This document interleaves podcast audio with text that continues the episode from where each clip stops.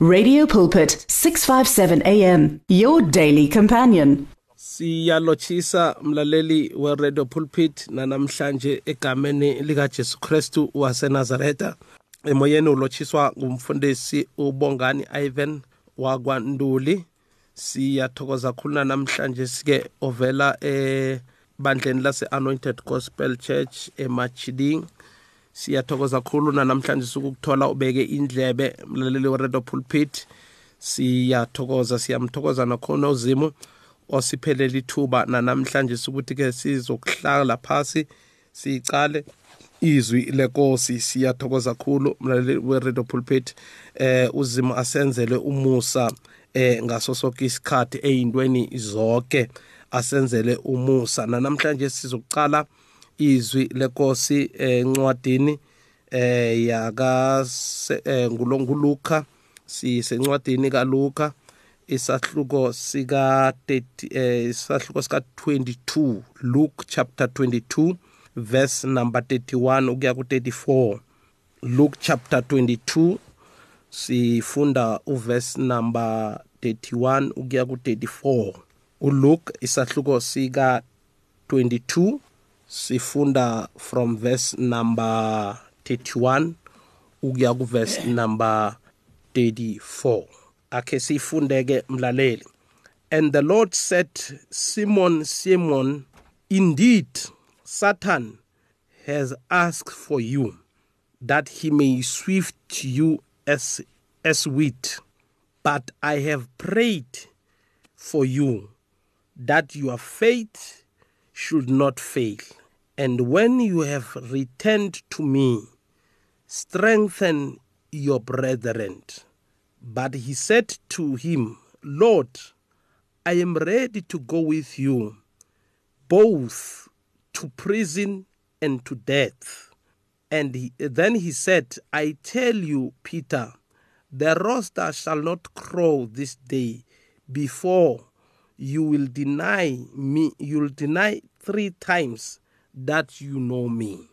Ba izwi lenkosi leli esilitholako encwadini yaka Luka isahluko sika 22 from verse number 31 kuya ku 34 sithola indaba kaJesu nabafundi bakhe before azokubethelwa esiphambanweni so la sikhulumela ngaphasi kwesihloko esithi your faith will not fail ukukholwa kwakho angekhe kuchabalale.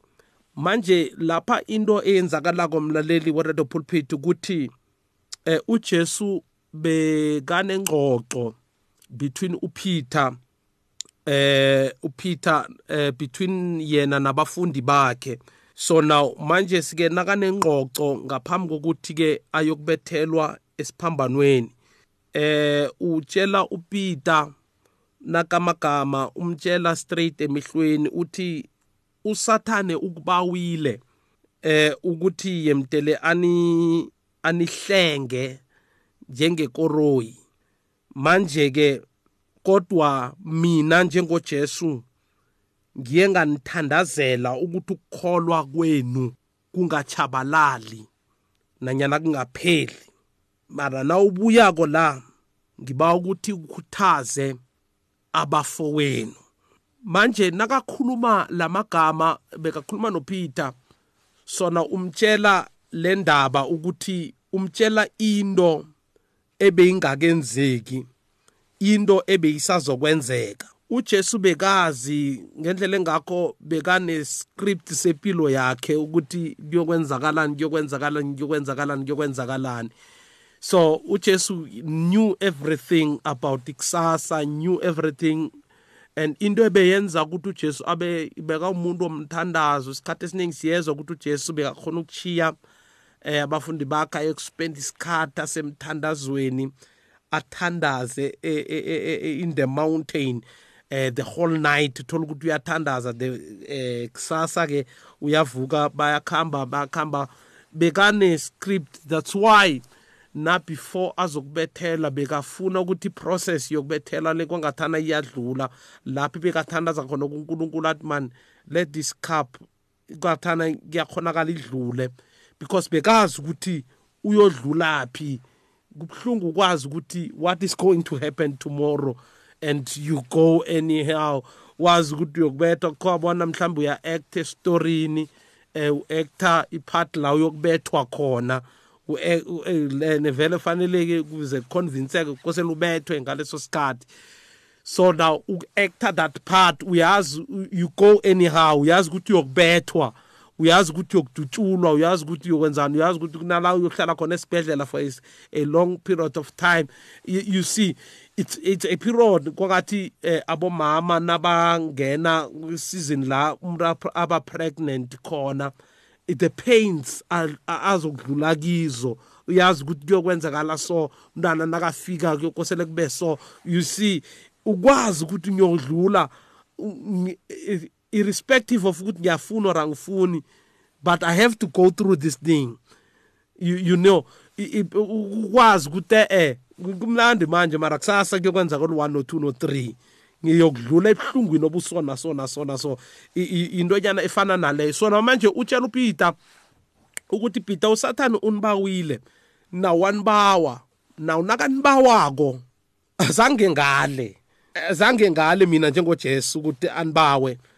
But into engiyenzileko ekunibaweni kwakhe usathane ngiye nganithandazela. I prayed for you. Ukuthi ukukholwa kwenu kungafail ukukholwa kwakho kungafail so whatever is going to happen. Manje uPeter uyabona ukuthi uJesu linto akhuluma ko le akakhambisani nayo. Verse number 33 uthi but he said to him lord i am ready to go with you to propose ngiready inkosi yabona mina nkosi lento oyithoko ukuthi usathane ukuba ungibawile eh ayi ayi. No no no no no no. Mina ngeke ngakujikela. Ngizokuhamba nawe nanoma bathi uyejele ngiyokuhamba nawe. Ukuthi uPeter nanoma bathi siya e, e, e, uyokufa ngiyobe nginawe ngizokuhla angeke ngiphike ukuthi I'll go with you I'm going I'm going to go with you through thick and thin. Kunabantu kanengi yabona nakumnandi kumnandi ukuthi ukhulume. You can say whatever things nakumnandi.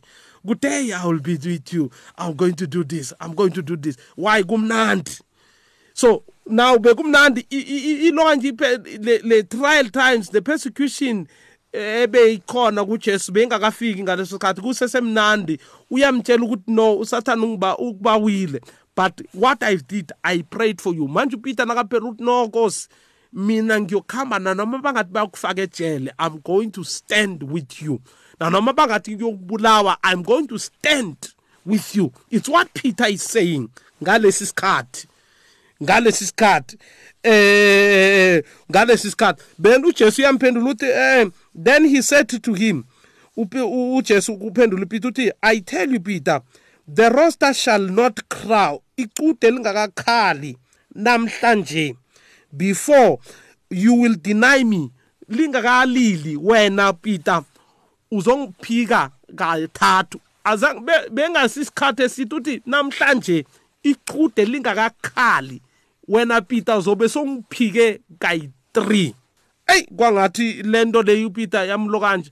Because of uJesu wamtshela something ebeyizokwenzeka. Ingakenzeki. Ngabona watshela ukuthi mhlawumbe uyadlala uJesu. Eh lento eyikhuluma ko it, shall not come to pass. Angeke yenzeke.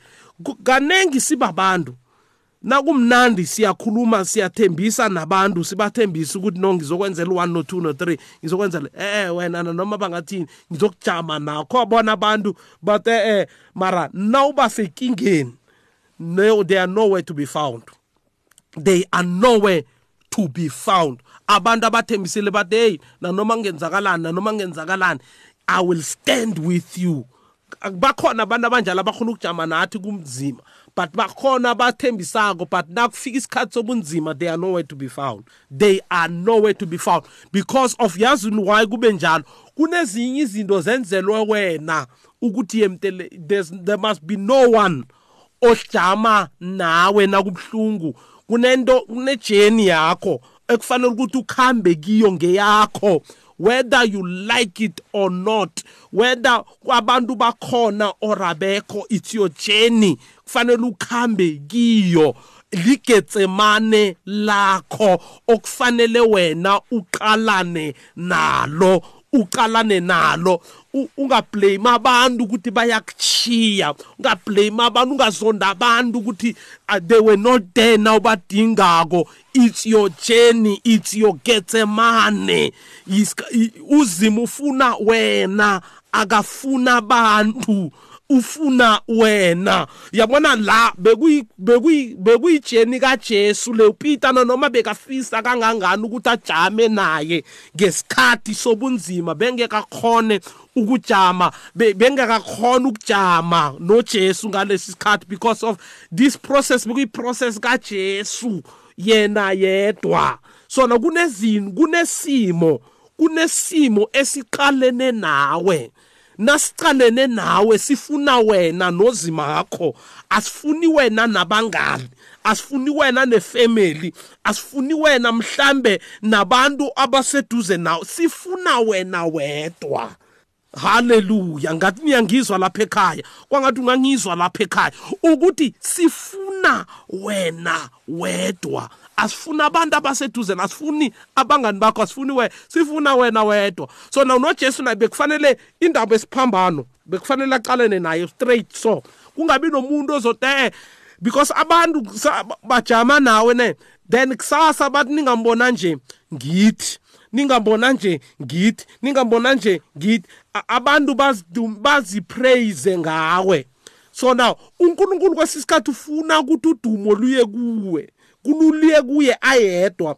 Nakachifta abantu ngesikhathi sobudisi akafuni bathathe iglory ngenxa yokuthi because uzimu nakakukhipha ngaphakathi kwedaka ufuna ukuthi kube yi-redemptive power yakhe ekukhipha ngaphakathi kwedaka ekukhipha ngaphakathi kwa whatever odlula kikho. Now igetsemane ngesikhathi isikhathi alisimnandi. It's not a it's not a nice season. Kuba nesizini la kungasimnandi khona empilweni.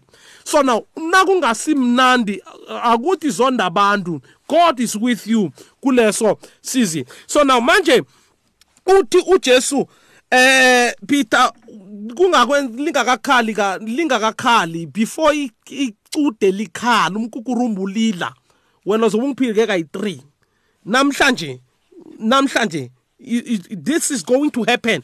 Nangembala uJesu bathi nabaceda ukumbamba uPeter besekamlandela lithi iBhayibheli he was following him from a distance.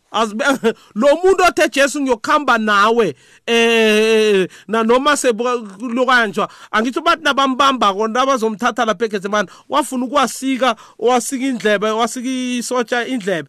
uJesu wayibisela wathi no asilinge ngekemba thina. Wena Peter wathatha indlebe wayibuyisela.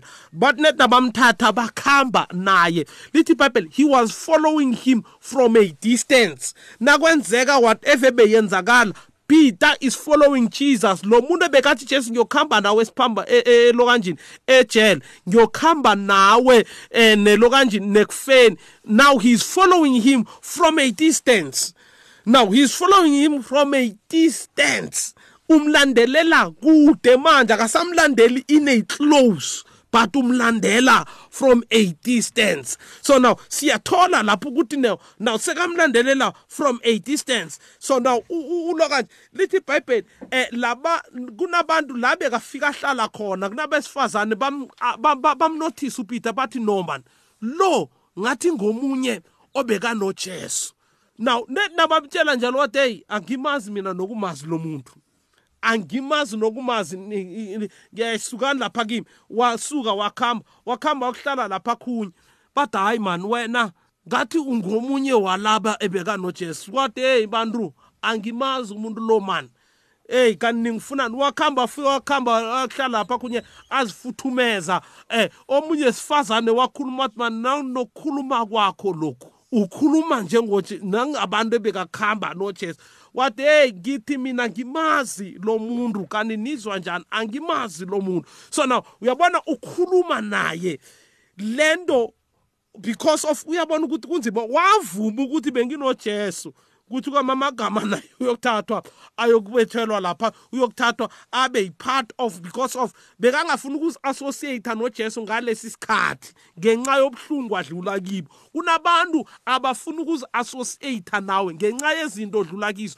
Bayazidistansa ngenxa yokuthi you have a bad publicity. Abantu abakhulumi kuhle ulahlekelwe zizinto. Abantu yazi uskandal uskandal uyabona kunento embi eyenzakalako around wena. There is no one who needs to associate themselves with you because of uyagula kunogula kuhlobo lokugula olukuphetheko. Mhlambe abantu abafuna ukusondela kuwe ngenxa yokuthi unogula okukuphetheko. Now yinto abantu abayenzako yinto ekhona empilweni. Igetsemane lakho na ucalene nalo ucalana nalo uwedwa. And uzima ufuna ukukusiza. Akusizwe yena yedwa not ukuthi kube nabantu abathatha i-credit for that. Ngiyathemba ukuthi uyangizwa lapho ekhaya mlaleli weredo pulpit. Uthi yabona kuthena noma kwenzeke lokho konke lokho konke lokho konke lokho ujesu abethelwa whatever. But sibona after ujesu nakaziveza kubafundi bakhe aziveza kibo bonke simbona aziveza nakubo Peter. Amrestora uPeter because of bese kabuyele ekuthiyeni azitshela ukuthi lento yokholwa ayisabere but wakhamba waba restora waba restora sibona uPeter abuya aba yiloya elikholwa lela elishumayelako ashumayela even after ipentecost nguye ebekakhuluma upeter atshela abantu ukuthi hey labantu abakadakwa amandla kamoya oyingcwele aphezu kwalabantu lapha it's because of now he is restored he's being restored. Now nanoma bekaphumile ngaleso sikhathi aphumile eh seka sekaphumile azitshela ukuthi no akasachubeki but wakhona ukurestoreka. Na warestorwa yini? Urestorwa uNkulunkulu urestorwa uJesu ambuyisa ukuthi yemtele abe khona. Akakwazi ukukhambela futhi wakhulu kufezakalisa amazwi la ukuthi na ubuyako ukhambe uyokulokanja uyokuvuselela abafowenu uyoba encourage. So na uyabona ukuthi indaba yokukholwa inamandla ngendlela emangalisa. uJesu umthandazo awenzela uPeter lo ukuthi nona noma usathana babawile nje but angakhona ukuba neaccess phezulu kwempilo zabo. Khumbuza indaba kaJob ukuthi nanoma ungamthinda uJob uthinde whatever na mara ungathinda umphefumulo wakho. Uyabona usathane nanoma ngasithinda ngazo zonke izinto asithinda ngazo but sinomthandazo uNkulunkulu asenzele wona wokuthi uthandazelwe wena njengoba umzalwane njengoba umntwana kaNkulunkulu. You are being prayed for. Umthandazo kaNkulunkulu has catered you. Umthandazo kaJesu has catered you. Uh, your faith will not fail izimo zingafika zifike but your faith mlaleli weredio pulpit will not fail izinto zingenzeka zingendlela ezenzeka but your faith let me tell you namhlanje egameni likajesu will not fail nanoma usathana ngenzani your faith will not fail nanoma ngenza whatever kwenza your faith namhlanje sinyakuthembisa it will not fail izimo azigeke zifailise ukukholwa kwakho kubambe lokho. Ake bese ngikupha amanomboro wami njengoba ngizokuphuma 076 027 0799 076 027 0799 kokugcina 076 027 07 double nine uyangithola lapho umfundisi Ivan Bongani wakwandule ake sithandaze. Babe egameni likaJesu nangumlaleli. Ukukholwa kwakhe. uNkulunkulu onamandla oke kwandise akungachabalaliswa njengoba izinto zinje empilweni yakhe. Namhlanje baba wethu onamandla onke ngezelela ukukholwa kwakhe egameni likaJesu. Amen. The words of the Lord are words of life. Your heart is on 657 AM 657 AM radio for believers in action.